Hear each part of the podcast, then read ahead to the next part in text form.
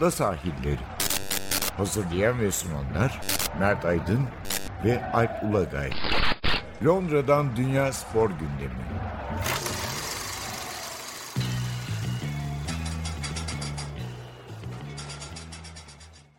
Ada sahillerinden merhabalar. Ben Alp Ulagay. Ben Mert Aydın. Bugün ne konuşacağız? Öncelikle biraz bu geçen haftaki Avrupa Süper Ligi konusunun devamı olarak kulüp sahipliği meselesine gireceğiz. Çünkü İngiltere'de biraz bunun üzerinden konuşuluyor konu. Yani tek sorun hani bir kötü kulüp sahibiyle iyi kulüp sahibinin yer değiştirmesi, işte Almanya'daki örnek çeşitli modeller üzerinde de bir bahis var açıkçası. Bir buna bakacağız. Sonra bir e, Premier Lig'de bir Hall of Fame yani şöhretler salonu demek lazım değil mi? Böyle bir uygulama ya, başladı. Biraz gecikmeli olarak aslında İngiltere evet. için.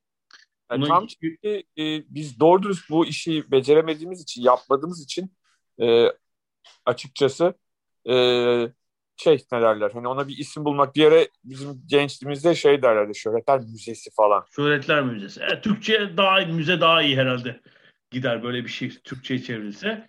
Belki son olarak da Burak Yılmaz üzerinden bu Avrupa'daki Türkleri bir değiniriz. Çünkü muazzam bir hafta sonu geçirdi. 35 evet. Kent Santifor. evet Fransa'da da epey muhabbeti var. Peki, bu... delikanlı. Tam öyle. Ya 36 olacak işte Temmuz'da. Peki evet. şu kulüp sahipliği meselesine bir el atalım.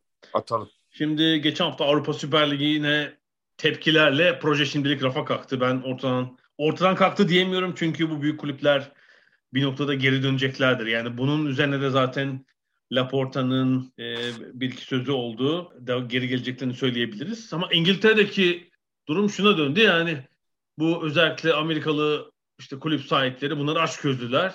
İşte bunlar kötü kulüp sahipleri. İşte bunlar gitsin yerine iyi kulüp sahipleri gelsin. Hatta biliyorsun bu hafta başından beri şey konuşuluyor. Bu Spotify'ın kurucularından İsveçli Daniel Ek'in Arsenal'ı satın alması yönünde bir projeye girişim söz konusu bir takım Arsenal eski oyuncuların da olduğu bir plan herhalde konuşuluyor. Yani sanki Stan Kroenke ekibi Arsenal'ı satsa ve Daniel Ek gelse her şey düzelecekmiş gibi böyle bir hava oluştu mesela İngiltere'de. İngiltere için söylüyorum. Her ülkenin durumu farklı tabii. Yani burada aslında aynı şey mesela Manchester United için de söylenebilir. 4 milyar dolar galiba fiyat biçmiş.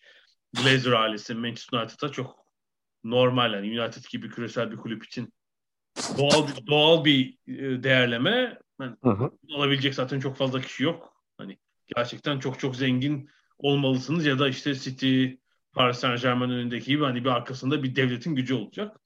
Aslında burada bir şeye takılıyoruz. Yani benim İngiltere için gördüğüm bir bir tür iki yüzlülük bu. Şimdi bu Süper Lig'den falan şikayet ettiler değil mi? Aa böyle olmaz falan. Ama Glazer alırken Manchester United'da bir homurdanma olmuştu. O zaman hatırlıyorum taraftarlar ama genelde hani bu yapıya çok bir itirazları yok. Şu ana kadar olmadı. Evet. Çok yani bir yapı tabii.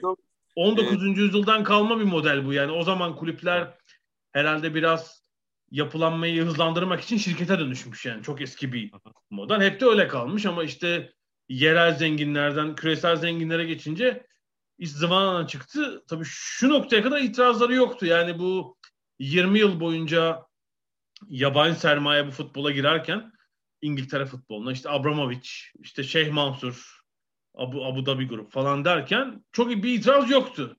Şimdi İngiltere'deki geleneğin dışında bir bir yola gidince kısmen tamamen de değil böyle bir itiraz yükseldi. E, bu modaya daha önce çok itiraz etmediniz. Ha şimdi ediyoruz. Ama işte Arsenal taraftarları da İsveçli kulüp sahibi istiyor. Yani şöyle de olabilir bu Arsenal örneğinde. Amerikalı kulüp sahipleri evet biraz başka bir modelin fikrin benimseyicileri.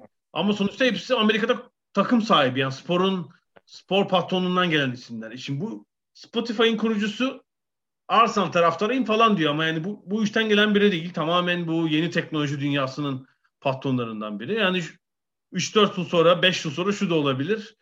Ya ben Spotify'da satıyorum Arsenal'da da Apple alıyor sizi. Apple'da artık ne yapar bilmem. Böyle bir yola gidebilir yani. Aslında belki tüm modeli baştan değiştirmek gerekebilir. En azından bu büyük kulüpler için. Aslında Bill Gates alacakmış, çip koyacakmış futbolculara. Çok hızlı koşarlar o zaman.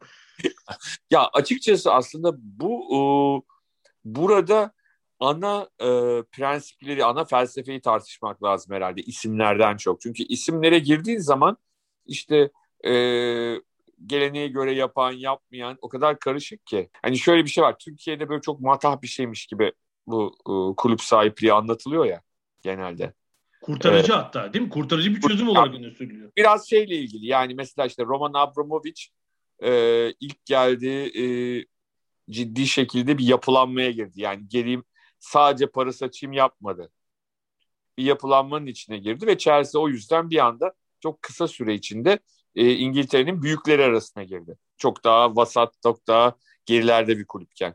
E, benzer şekilde e, Manchester City'de e, iyi yapılanan, işte e, doğru bir sportif direktörle iyi işler yapmaya çalışan bir kulüp, iyi yönetilmeye çalışan. Bunlar tabii e, insanların ağzını sulandıran şeyler. İşte büyük paraların gelmesi, odur budur, işte Leicester City'ye e, gelen yönetim gibi.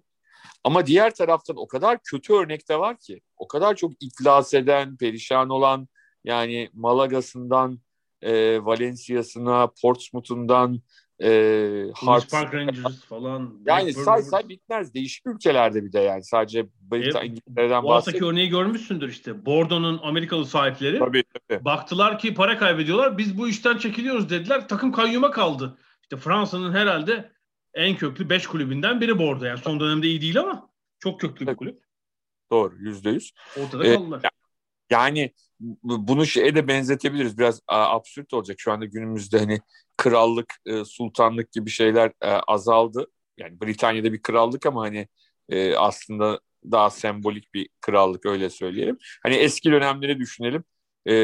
Hani bizde de vardır ya çocukken şey Osmanlı İmparatorluğundan bahsederken iyi sultanlar işte işini yapamayan sultanlar var yani ama sonuçta bir liyakatla değil o sultanların gelişi bir e, şeyle ne derler e, aileden gelen bir e, verasetle sıralama verasetle aynı şekilde İngiltere'de de öyle diğer birçok e, ülkede geçmişte öyleydi. E, zaman zaman dünya görüşü daha geniş olan, daha bakış açısı farklı olanlar geliyor ve işler iyi gidebiliyor. Ama diğer taraftan diğeriyle de karşılaşabilirsin. Yani iş biraz şansa kalıyor. Yani e, kulüp başkanlığı, kulüp sahipliği meselesinde de kimin ha, yani hangi paralı adamın o kulübü e, mantıklı bir şekilde yöneteceğini, hangi adamın abuk subuk şeyler yapıp sonradan ortadan kaybolacağını önceden sezmek çok mümkün değil açıkça söylemek gerekirse. O yüzden de e, ya da şöyle diyelim ya adam çok iyi olabilir, çok e, iyi niyetli olabilir, çok düzgün şekilde düşünüyor olabilir ama yanlış hamleler yapar. İşler batınca da e ben burada kalmayayım der ve gider. Yani ille çok kötü niyetle ya da işte e, farklı farklı nedenlerle gelmemiş de olabilir. E, o yüzden de e, açıkça söylemek gerekirse hani bu kadar matah bir şey olmadığını önceden söyleyeyim. Ben açıkçası hani benim fikrimi sorarsan e, ben hani e, her kulübün kendine uygun olan neyse onunla yönetilmesini düşünüyorum. Yani her kulübün e, dernek statüsünde her kulübün e, sahipli olarak yönetilmesi bana çok doğru gelmez. Mesela ben Türkiye'deki kulüplerin özellikle büyük kulüplerin e, sahipli olarak yönetilmesini doğru bulmuyorum açıkçası. Yani doğru e, bir formül olarak görmüyorum. Ama hani şimdi mesela işte Başakşehir'inden Kasımpaşa'sında bir takım öyle kulüpler de var. E, ya onlar olabilir gibi geliyor bana. Yani çok da açıkçası e, yani bu karma bir düzen olabileceğini düşünüyorum ama yani ne bileyim düşünsene e, büyük kulüplerin işte divan kurulları var çok ciddi eleştiri getiren muhalifleri var. Yani bir sahip olduğunda bunlar biter. Bunların hiçbir anlamı kalmaz. Ee, yani iyi ve... bir yere değindin. Şimdi büyük kulüp diyoruz biz onlara. Aslında ben bir ifade daha kullanıyorum. Mesela Türkiye'nin önünde verirsek 3-4 kulüp bence öyle kitle kulübü bunlar. Tabii tabii. Yani, yani çok ben, e, sadece o... bir şehirde de değil, ülkenin birçok şehrinde, kasabasında çok geniş Doğru. bir kitleye hitap ediyorlar ve aslında parasal olarak destek verecek, o kulübü destekleyebilecek, gelirini yaratabilecek bir kitleye, taraftar kitlesine sahipler. İşte şu an çok aktif kullanılamıyor belki ama böyle bir potansiyel var ama dediğin gibi yani Başakşehir, Kasımpaşa mesela İstanbul'un diğer takımlarının böyle bir şansı yok. Hiçbir zaman kitle takımı olamayacaklar onlar. Sem takımları da dahil. Onların bir şirket takımı olup bir şirket patron tarafından desteklenmesi hani o onun için daha doğru model gibi ama mesela üç büyükler, Trabzonspor, hatta Bursaspor, Eskişehirspor, köklü ve kitlesi olan takımlar için bence başka bir yani bu dernek modeli, şirket kuran dernek modeliydi. Bu model daha doğru gözüküyor açıkçası. Bana da öyle geliyor. Bana da öyle geliyor. Ha belki işte bir takım e, o kuralları doğru e, koymak, bazı şeyleri o hesap verilebilme meselesini. Çünkü hani Türkiye'de sahiplik müessesesini savunanların genelde sloganı şu. Yani bir insan kendi malına daha farklı davranır. Yani şu anda işte birçok kulüpte yaşananların e, sahipli bir e, durumda olmayacağını düşünüyorlar. Ama maalesef yani çünkü şu anda hani adam diyor ki kendi parasını harbi parvan savurmaz. Daha dikkatli davranır. Ama futbol öyle bir oyun değil. Spor değil. Ee, daha önce bu e, podcast'te belki 1 milyon 374 bin 242 kere falan konuştuk. Ee, örnek verdim. Ama meşhur işte Soccernomics geçen geçen hafta da verdim. Ee, hatırlarsan. Futbolun yani, şifreleri al. Türkçe çeviriyor. Evet evet evet. Ee, yani futbol futboldan e, bir normal bir şirket gibi kar etmen mümkün değil. Kar ettiğinde şampiyon olamazsan başarılı değilsin. E, kar etmiş olman tek başına bir şey ifade etmiyor yani parasal olarak karın. Ama şampiyon olursan bazen çok büyük zararlar bile sineye çekilebiliyor. E, yani çok farklı parametrelerle e, bunu kontrol edebiliyorsun. Onu anlatmaya çalışıyorum. O yüzden de e, açıkça söylemek gerekirse öyle hani e, bir sahip olursa daha dikkatli davranır. Kendi parasını ona göre harcar falan gibi bir şey demek çok kolay değil açıkçası. Ha bunu yapan olabilir mi? Olabilir. Tekrar söylüyorum. Yani bu bir şey meselesi. Hani şansınıza piyangodan ne çıkarsa, kim çıkarsa. E, bu da çok sağlıklı bir durum değil herhalde Alp. Yani zaten bir normal denetim mekanizması olmazsa dernek olan değil, şirket olan, AŞ olan kulüplerinde ne büyük sorunlar yaşadığını biz Türkiye'de de gördük yani. AŞ olan ilk kulüp Malatya Spor'da hatırlarsın. Turgut Özal'ın o zamanki başbakan ya da cumhurbaşkanıydı herhalde. Onun desteğiyle olmuştu kendi memleketi diye. Şu an Malatya 1. Amatör Lig'de o ilk aşı olan kulüp. Evet. Yok evet. oldu gitti yani. Aynı şeyi evet. Göztepe yaşadı. Sakarya Spor şirket olanlardan bahsediyorum. Bayağı debelendiler. Hala debeleniyorlar yani. Şirket olmak da her şeyi çözmüyor. Çünkü bir noktada şeyi takip edemiyorsunuz yani. Hisseler batıklar oluyor. Hisseler el değiştiriyor. Kim aldı takip edemiyorsunuz keyfi bir durum ortaya çıkıyor. Yani bir tür dernek olarak kalıp e, elbette çok iyi bir denetleyici, regüle edici kurum tarafından evet. Kontrol edilmesi yerinde olur. Şimdi Tabii İngiltere'deki, de, mod-. İngiltere'deki modelde şöyle bir sıkıntı var Hı-hı. artık. Şimdi şeyden söz ediliyor işte hükümet müdahale etsin. Hı-hı. Almanya'daki şeye geçelim işte yüzde elli artı bir dernek ya da üye kontrolünde olan sistemi ama öyle bir noktaya gelmiş ki burada demin bahsettiğimiz iki büyük kulübün işte Arsenal için bahsedilen bedel 2 milyar sterlin. Manchester United için 4 milyar dolar. Şimdi bu taraftarın bir araya gelip bunları satın alması mümkün değil buranın hisselerini. Patronlar evet. olarak satmak isteyecek yani. Madem bu işten çekiliyoruz hani karşılığını verin çıkalım. Kim için hesap yaptım ben? Manchester United için 3,5 milyar sterlin üzerinden yapmıştım. 350 bin kişi 10 bin pound verse anca öyle bir rakama ulaşıyor mesela. Tabii. ee, büyük bir rakam 350 bin. Yani Tabii, tabii. Zaten çekirdek taraftar kitlesi bu kadardır. United'ın İngiltere'deki. 10 bini de tak diye vermez millet. Veremez. Onu nasıl organize edeceksin? Tabii ki. Yani çok hani belki 30 yıl önce daha mümkün ama şimdi bu ekstra değerlenmesiyle futbol kulüplerinin çok zor bir durum. Yani buradan Almanya modeline dönüş için ancak gerçekten hükümet diyecek ki işte ben bu kulüpleri kamulaştırıyorum şeyini verip, değerini verip sonra taraftara şey diyeceğim, devredeceğim işte 30-40 yıllık da bir anlaşma. Ancak böyle bir şey olabilir ama bu da İngiltere'nin bence ya da kapitalist düzene biraz aykırı. Yani küçük şehirler, küçük e, kasabaların takımları daha alt liglerde bunu gerçekleştirebilirler. İşte birkaç örnek var. Bize yakın biliyorsun. AFC Wimbledon. Evet, evet, ee, evet.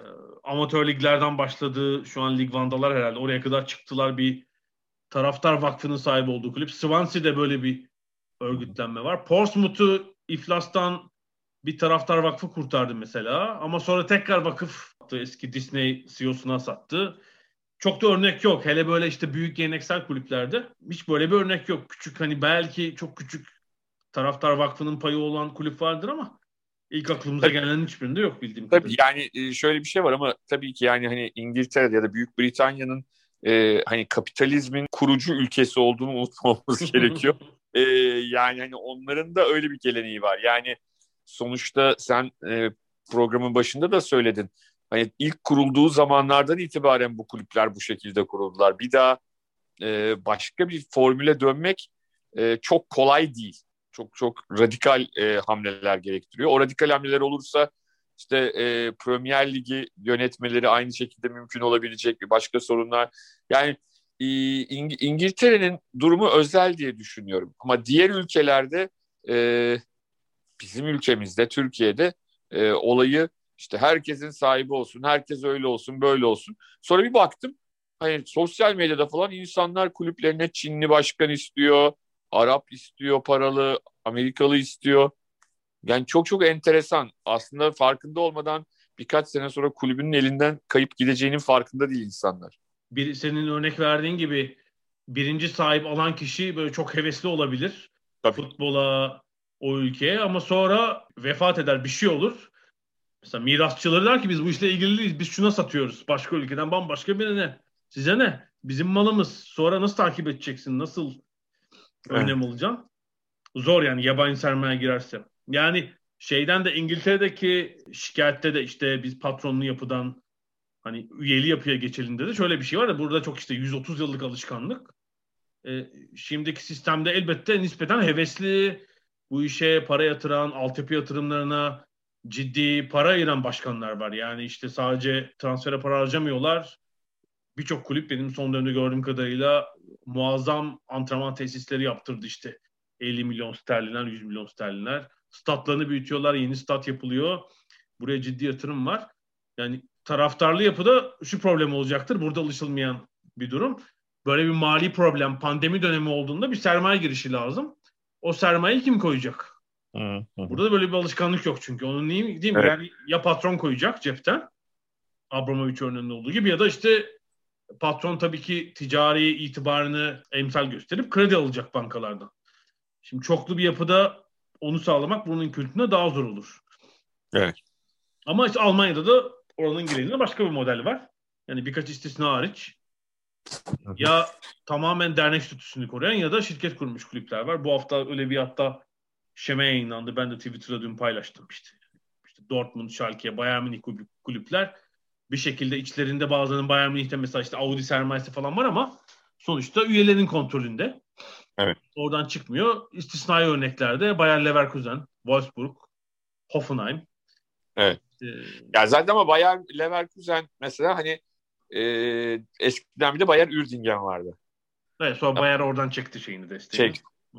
E, yani hani o şehirdeki endüstri yani o şehrin neredeyse sahibi demeyelim ama e, nasıl diyelim orayı işte bütün iş imkanlarıyla oradaki ihya eden diyorsun.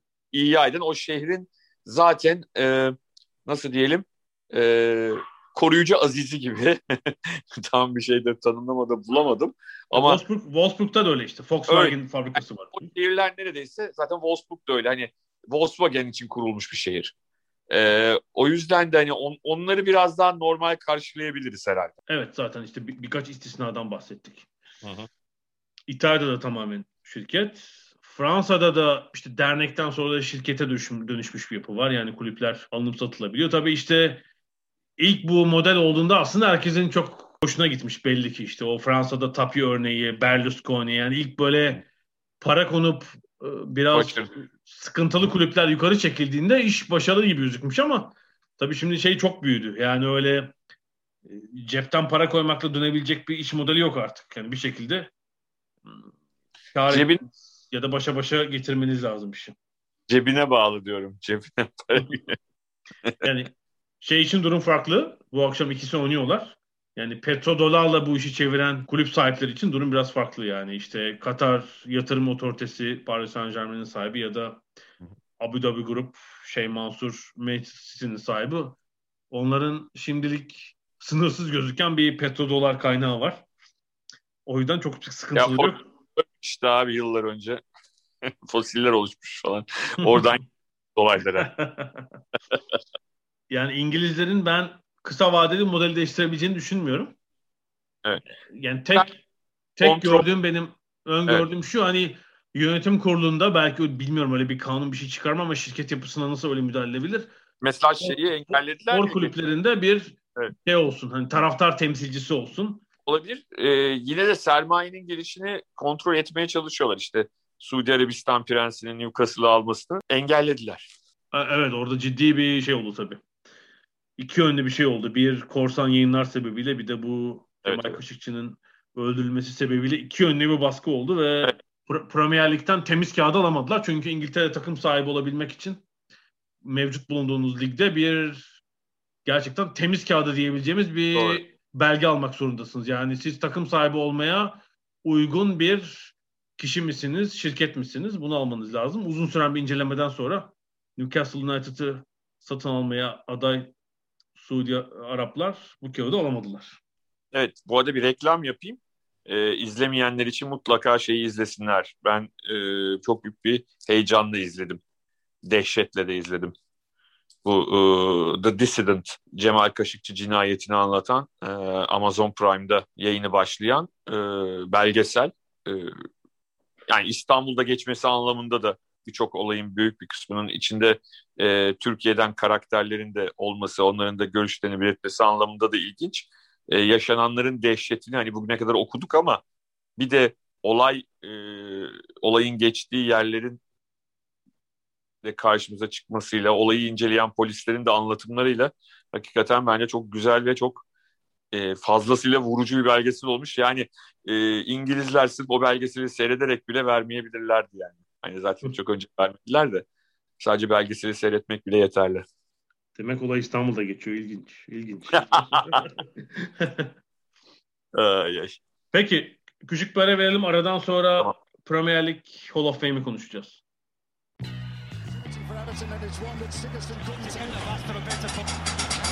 Ada sahilleri. Londra'dan Dünya Spor Gündemi.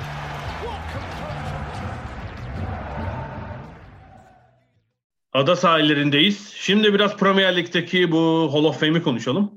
Premier Lig aslında başlayalı 29 sezon oldu yani 29. sezondayız. Tabii öncesinde de Futbol Lig var uzun bir dönem ama Premier Lig yönetimi bir tabii yenilikte böyle şeyler sevilir. Amerika'dan da gelen bir gelenek. Hall of Fame yani bir şöhretler müzesi, şöhretler salonu diyebileceğimiz bir uygulamaya girdi. İşte Premier Lig'e en çok emeği geçmiş, damga vurmuş oyunculardan ki sonra buna muhtemelen antrenörler, belki yöneticiler de eklenecektir. E, iki oyuncuyla başladılar. E, Alan Shearer ve Thierry Henry şöhretler, Premier Lig Şöhretler Müzesi'nin ilk iki oyuncusu oldu. Sonra da bir tartışma çıktı. 23 kişilik bir aday listesi var. Bundan sonra kim eklenir bu listeye diye. Ağırlıkla Man United, Arsenal, Liverpool, Chelsea oyuncularının olduğu bir aday listesi var. Tahmin edebileceğiniz gibi. Yani en eski belki Tony Adams'tan en yakın futbolu bırakmış kimdi orada? Hmm, Ashley Cole falan herhalde. John Terry. Onları düşünüyorum. Öyle bir öyle bir liste var. Ee, ilk iki oyuncu için zaten olumsuz denebilecek bir şey yok. Hani bir İngiliz bir de yabancı seçmişler. Tam da Premier Lig'in oluşturduğu yapı uygun olarak. Biri Premier Lig tarihinin en çok gol atan oyuncusu.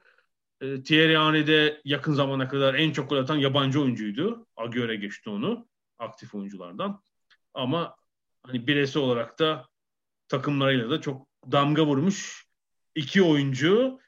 E, ne söylemek istersin uygulama hakkında? Ya uygulama güzel. Ee, şöyle diyeyim yıllar önce bak onu da söyleyeyim. Fuat abi kulakları çınlasın. Fuat Aktağ çağırdı. Mert dedi bu Hall of Fame biz Türkiye'de Türk sporu için yapabilir miyiz? Vallahi dedim yani istersek yapılır tabii yani. Ondan sonra hatta çok ciddi bir e, aday sayısı adaylar çıkardık. İşte şeyi düşündük. Yani ilk başta direkt hiç yarış şeye sokmadan büyük bir jüri e, grubu olacaktı. Yani işte belli yaşın üstündeki e, duayenlerden tut gençlere kadar e, önemli bir e, oy veren listesi de olacaktı. Yani halk oylaması olmayacaktı öyle söyleyeyim. E, ama olmadı yani hani bir yer aranıyordu falan filan neyse. Rafa kalktı. Onu da arada söylemiş olayım. Ama o futbol değildi o spordu. Türk olimpik sporlar. Ya ben şimdi şöyle bir şey var. Tabii şimdi bu e, çok kolay bir iş değil bahsedilen iş. Ve de aslında e, 29 yılın ardından başlamış bir iş. E, sanki ilk başta daha fazla oyuncuyu oraya direkt koyarak başlamaları daha iyi olurdu gibi geliyor bana. Çünkü hani sonuçta Premier Lig çok popüler bir lig ve hakikaten de bu 30 yıllık süreçte çok önemli starlar, çok önemli yıldızlar e, İngiliz ya da yabancı oynadı. E, ve hani bir bir seçerek bundan sonra e, hani oraya gerçekten hak eden bir sürü insana belki hiçbir zaman e, Hall of Fame'e girememesi gibi bir durumla karşı karşıya kalınabilir gibi geliyor bana. Bilemiyorum yani.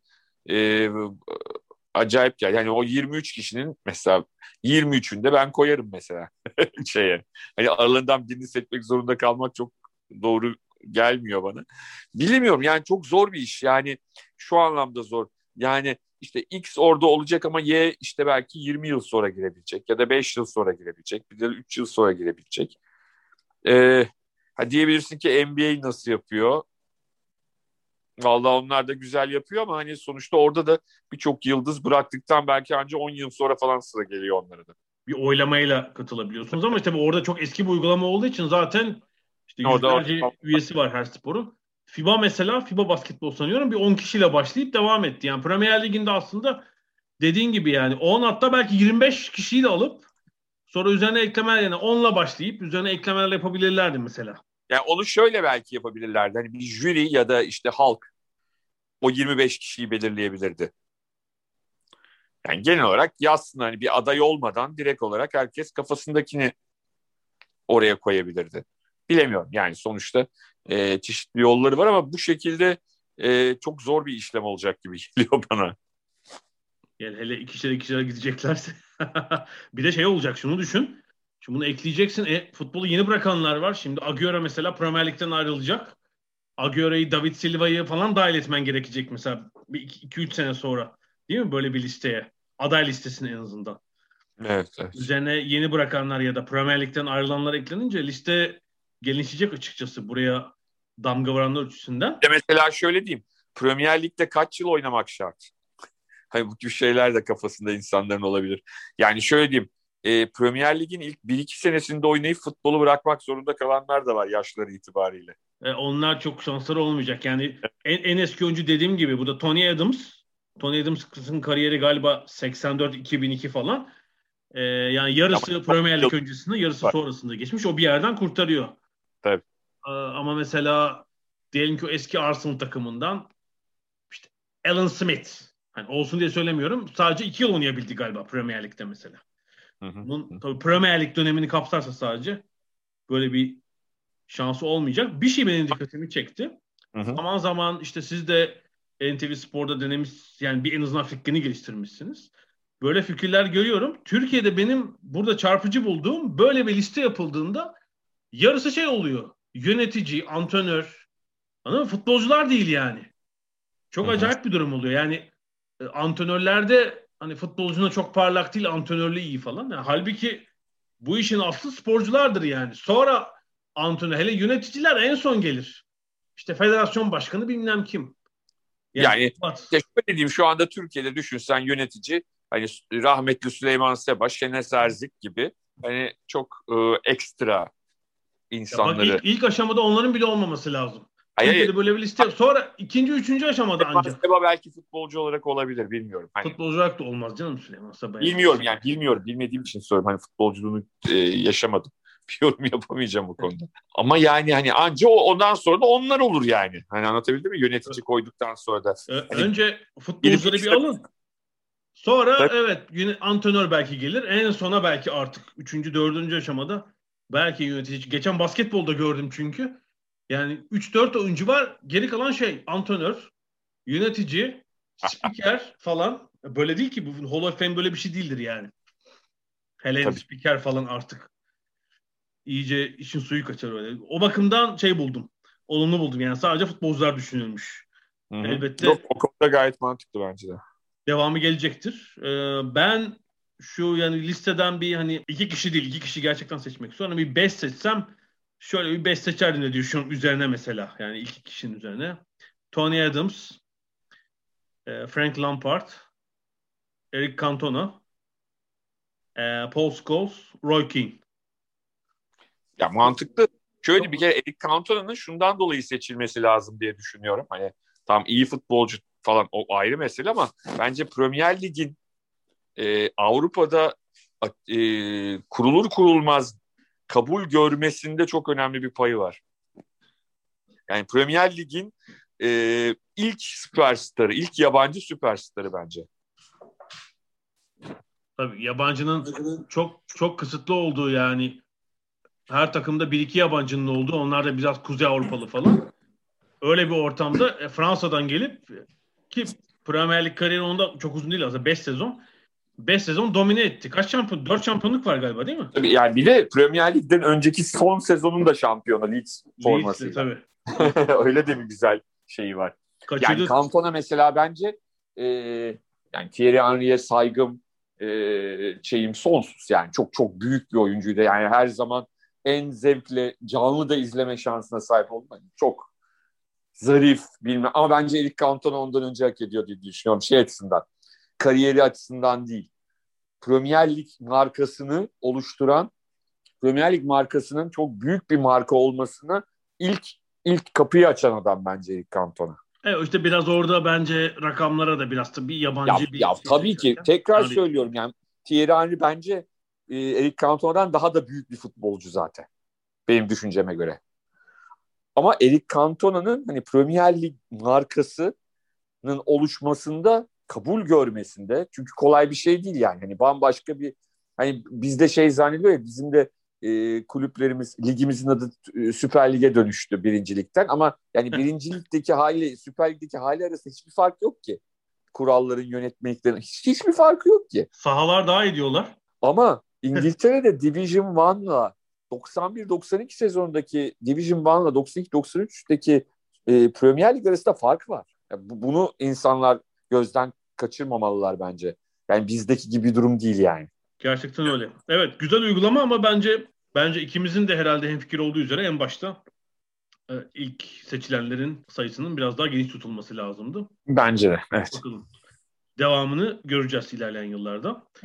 Ama güzel uygulama. Yani tart e, insanlara beyin jimnastiği yaptırtır. Geçmişi e, hani şimdi biz hatırlıyoruz bize sanki dün gibi geliyor olabilir ama birçok insan e, birçok futbolla ilgilenen insan doğmamıştı ya da yine doğmuştu Premier Lig açıldığında.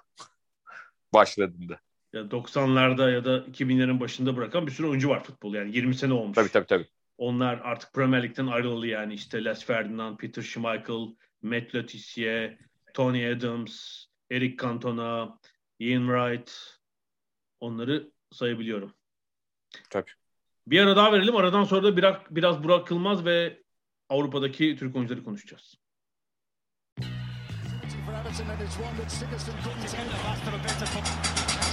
Ada sahilleri. Londra'dan Dünya Spor Gündemi.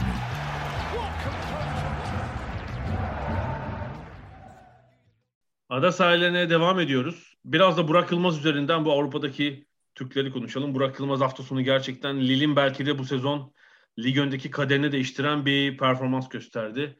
Bir frikik golü, bir asist üzerine son dakikada galibiyet golü. Uzun bir sprintten sonra yani 35,5 yaşında 36'ya gelmek üzere artık. İnanılmaz bir performans. Yani sonra biraz Fransız kanallarına da dolaştım. Hani transferi bile tekrar konuşuldu. Yani Burak Yılmaz nasıl geldi ya bu Fransa'ya bu oyuncu? Şey atlayanlar da var mesela. Tabii çok kayılmaz belki ama ülke dışına ilk defa çıkıyor. Halbuki Çin'e gidip galiba iki sezon oynamıştı Çin'de. Evet. Avrupa'ya gelmemişti tabii ama bu yaşa kadar nasıl Avrupa futbolundan uzak kaldığında biraz konuştular. Çok fazla Türk oyuncu yok Avrupa'da. Hep Türkiye'den giden daha doğrusu. Almanya'dan Evet. giden bir takım oyuncular da var ama Türkiye'den giden ya daha doğrusu altyapısını Türkiye'de almış sanıyorum 11'de de 12 oyuncu var. Düşük bir rakam bu. Son derece düşük. Hani bu 14 yabancı sonrası beklenen bu değildi. Bu hani 40'lar 50'ler olacak diye henüz yok ama bir takım iyi örneklerle belki sayının artmasını bekleyebiliriz. Yani Burak Yılmaz tam bir sezonu tamamlamış değil ama herhalde bu bir sezonluk performansıyla bir de Lille şampiyon olursa sezon sonunda herhalde tabii. en çarpıcı örneklerden biri olacak. E, bir de tabii e, o takımın hani e, kadrosundaki Türk oyuncu sayısının fazla olması yani Yusuf Yazıcı, Zeki Çelik hatta Mustafa Kapı da orada değil mi? O hani daha şeydi ama. İleriki seneler için bir yatırımdı tabii. Yatırım ama yani hani üç tane Türk oyuncunun üçünün de çok önemli rol oynadığı bir sezon. Asistleriyle, golleriyle, e, performanslarıyla. Hani Burak yaşı itibariyle herkesi şaşırtıyor ama diğer tarafta Yusuf Yazıcı'nın da e, UEFA Avrupa Ligi'nde yaptıklarını hayranlıkla herkes izledi. Biz de izledik. E, Zeki'nin istikrarını biz çünkü e, öyle kenar beki anlamında çok e, fazla oyuncu yetiştirebilen bir ülkede değiliz. Bu kadar iyi performans gösteren ve de hiç Süper Lig'de oynamamış bir oyuncu. Onunla ilgili de çok enteresan bir hikaye. E, kulakları çınlasın Önder Özen'den dinlediğim bir hikaye Önder Hoca'dan. E, şöyle demişti yani şimdi mesela Zeki'yi nasıl keşfettiler? İstanbul Spor'da oynayan bir oyuncu. Fransızlar nasıl keşfetti? Şöyle keşfettiklerini o söyledi.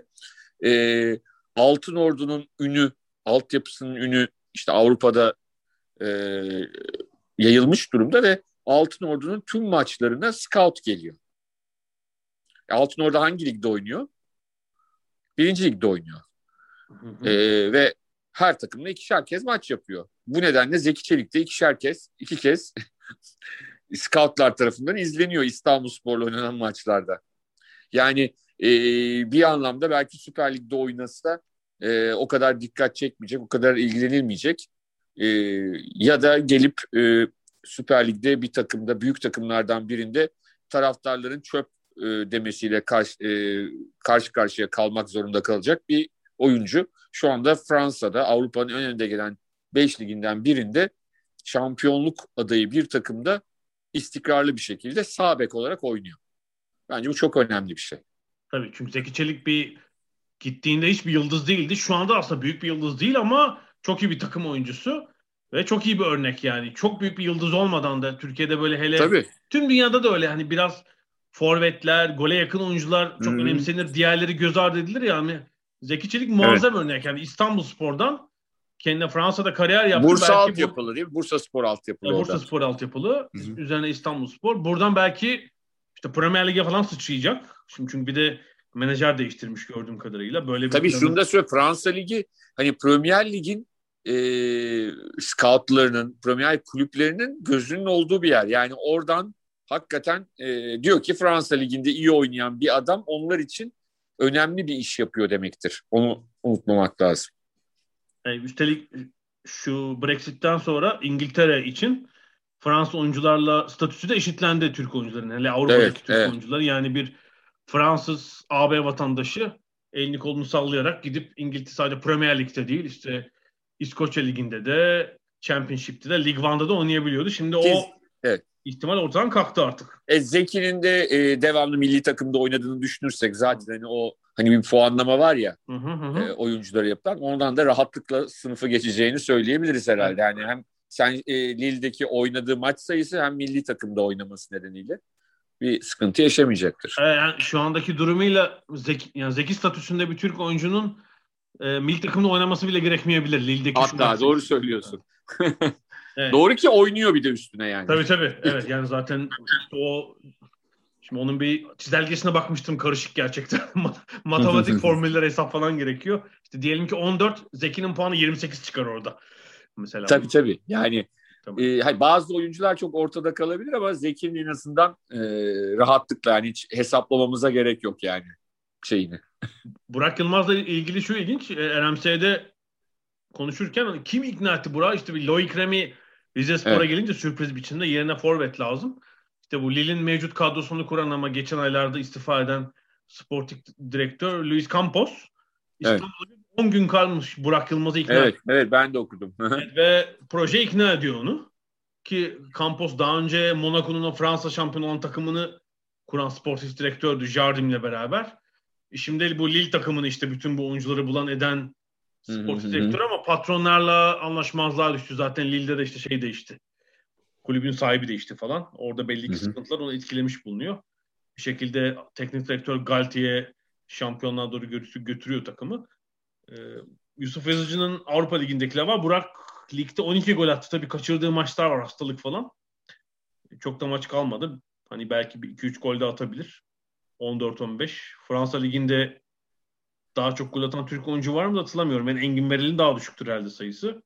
Belki Mevlüt olabilir ama o zaten hani Fransa'da e, hani Türkiye'den Fransa'ya giden bir oyuncu değildi. Evet, Türkiye'den yetişmiş oyuncular için diyelim. Evet. Ee, diğerlerine de bir, bir Nihat Kahveci'nin 23 gol attığı sezonu hatırlıyorum. Son ana kadar Real Sociedad şampiyonluk kovalamıştı. 2002-2003 müydü herhalde? Evet, evet. 2003. Ee, çok eskiden de bu Türkiye'de ilk profesyonellik Şükrü Gülesinler falan. Evet, böyle İtalya'ya giden bir sürü oyuncu var. Tabii Şükrü evet. Gülesin'in bir sezonunda 18 golü mü ne var ki o sene de talihsizlik şöyle olmuş. Hani İtalya'da az gol atılır ya o dönem için söylüyorum daha böyle şey. O sene inadına böyle bir e, çok gol atan bir e, şimdi hatırlamıyorum iki, bir iki oyuncu olmuş. O yüzden hani 18 gol birçok sezon İtalya'da rahatlıkla gol krallığı getirirken işte Şükrü Gülesin rahmetli o gol kralı olamamış ama öyle bir sezonu var mesela. Ona 16 gol Lazio'da 16 mı? 16 evet. gol. E, gol kralına uzak bayağı. İtalya liginde de herhalde işte bir yabancı iki yabancı olsa olsa o kadar vardır o yıllarda.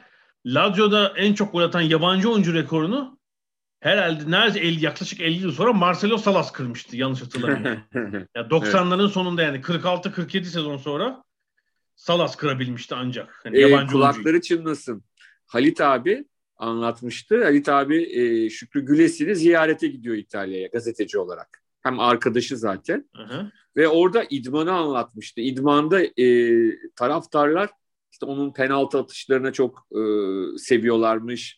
E, duran toplarını. İdmanda taraftarın tezahüratıyla penaltı attırılıyormuş falan ona. Yani, e, çok çok e, güzel şeyler anlatmıştı. E, Halit abi. Tabii işte Can Bartu'nun performansı falan var ama tabii Can Bartu gol atmaktan çok attıran e, bir oyuncu. Yine Lefter'in, Lefter Küçükhan Donyadis'in İtalya'da, Fransa'da e, çok gol attığı sezonlar var ama e, dediğim gibi tahmin ediyorum ben de araştırmadım bir yanlışımız olmasın ama ben de Nihat'ındır diye düşünüyorum bir sezonda Türkiye'den yetişen e, ve Avrupa'ya giden oyuncular içinde diye düşünüyorum. Peki Şükrü Gülesin'le ilgili benim de herhalde Atilla abiden, Atilla Gökçelen'in okuduğum bir yazı çok eski. Hikaye de eski aslında. 74 Dünya Kupası'nda kalabalık Türk gazeteci ekibi işte Almanya'da Dünya Kupası'ndalar. Herhalde Münih ya da başka bir şehir. Diyorlar ki Şükrü Gülesin de zaten genç bir yaşta öldü. Çok zaten iri bir adam. Çok kilolanmış böyle. Yani bayağı göbekli falan. Şey diyorlar yani sen bilirsin bir İtalyan lokantasına götür diyorlar bizi. İşte giriyorlar bir öğlen bir İtalyan lokantasına. Boş lokanta. 4-5 kişilik Türk gazeteci grubu. Garson çocuk bir türlü oturtamıyor bunları yere. Bakınıyor falan. Kasadan babası sesleniyor. niye oturtmuyorsun diyor beyleri falan. Ya diyor oturtacağım da diyor şu ayıya yere arıyorum diyor. Şükrü Gülesi'nin kilosuna bakarak ama yani şey isabet etmemiş yani grubun gruptan birinin İtalyanca bilebileceğini hesaplamamış. Ve de onun bilebileceğini. Ee, yani Şük Şükrü Gülesi'nin delirmiş tabii çocuğu kovalamaya başlamış. Patron araya girmiş. İşte nereden biliyorsun İtalyanca? Ben demiş ki işte 3 yıl İtalya'da futbol oynadım biliyorum falan. Bakmış adam inanamamış tabii. Nerede o dedi? Lazio demiş. Pizza şefim demiş Lazio taraftarı. Çağıralım gelsin doğru mu değil mi? Adam gelir gelmez Sukru diye. Herhalde bunu Atilla abi yazmıştı. Atilla Gökçe yıllar önce. Muazzam hikaye. Ben de onu aktarmış bulunayım. Çok eski bir dönemde ama şu an Burak Yılmaz'ın gerçekten ciddi bir damga vurduğunu, vurduğunu söyleyelim. Bu arada daha önce örneği var mı bilmiyorum ama iki hafta sonra da bir Türk oyuncu FA Cup'ta final oynayacak. Evet. Var mıydı daha önce örnek? Şöyle e, yine İngiltere a, FA Cup'ta a, lig kupasında var da FA Cup'ta emin olamadım şimdi. Muzi Yok İzzet lig kupası kazandı da. Hatta. Kazandı. E, Tugay da e, Blackburn'le oynadı galiba final maçında oynayamamış olabilir. Hı-hı. Bir sakatlığı mı bir şey vardı. E, ama hani en azından takımı olarak olmuştu. E, şeyi ne derler? E, şimdi öyle deyince hatırlayamadım. Zaten İngiltere'de oynamış Türk futbolcu sayısı çok fazla değil. O yüzden hatırlardık diye düşünüyorum. Evet herhalde o da bir ilk olacak. Çağlar Soyuncu için ve belki bir ihtimal Cengiz Ünder için. Evet. Galiba bu haftalık tamamız değil mi? Tamamız. Tamamız. O zaman ada sahillerinden şimdilik bu kadar. Gelecek haftaya kadar görüşmek üzere. Görüşmek üzere.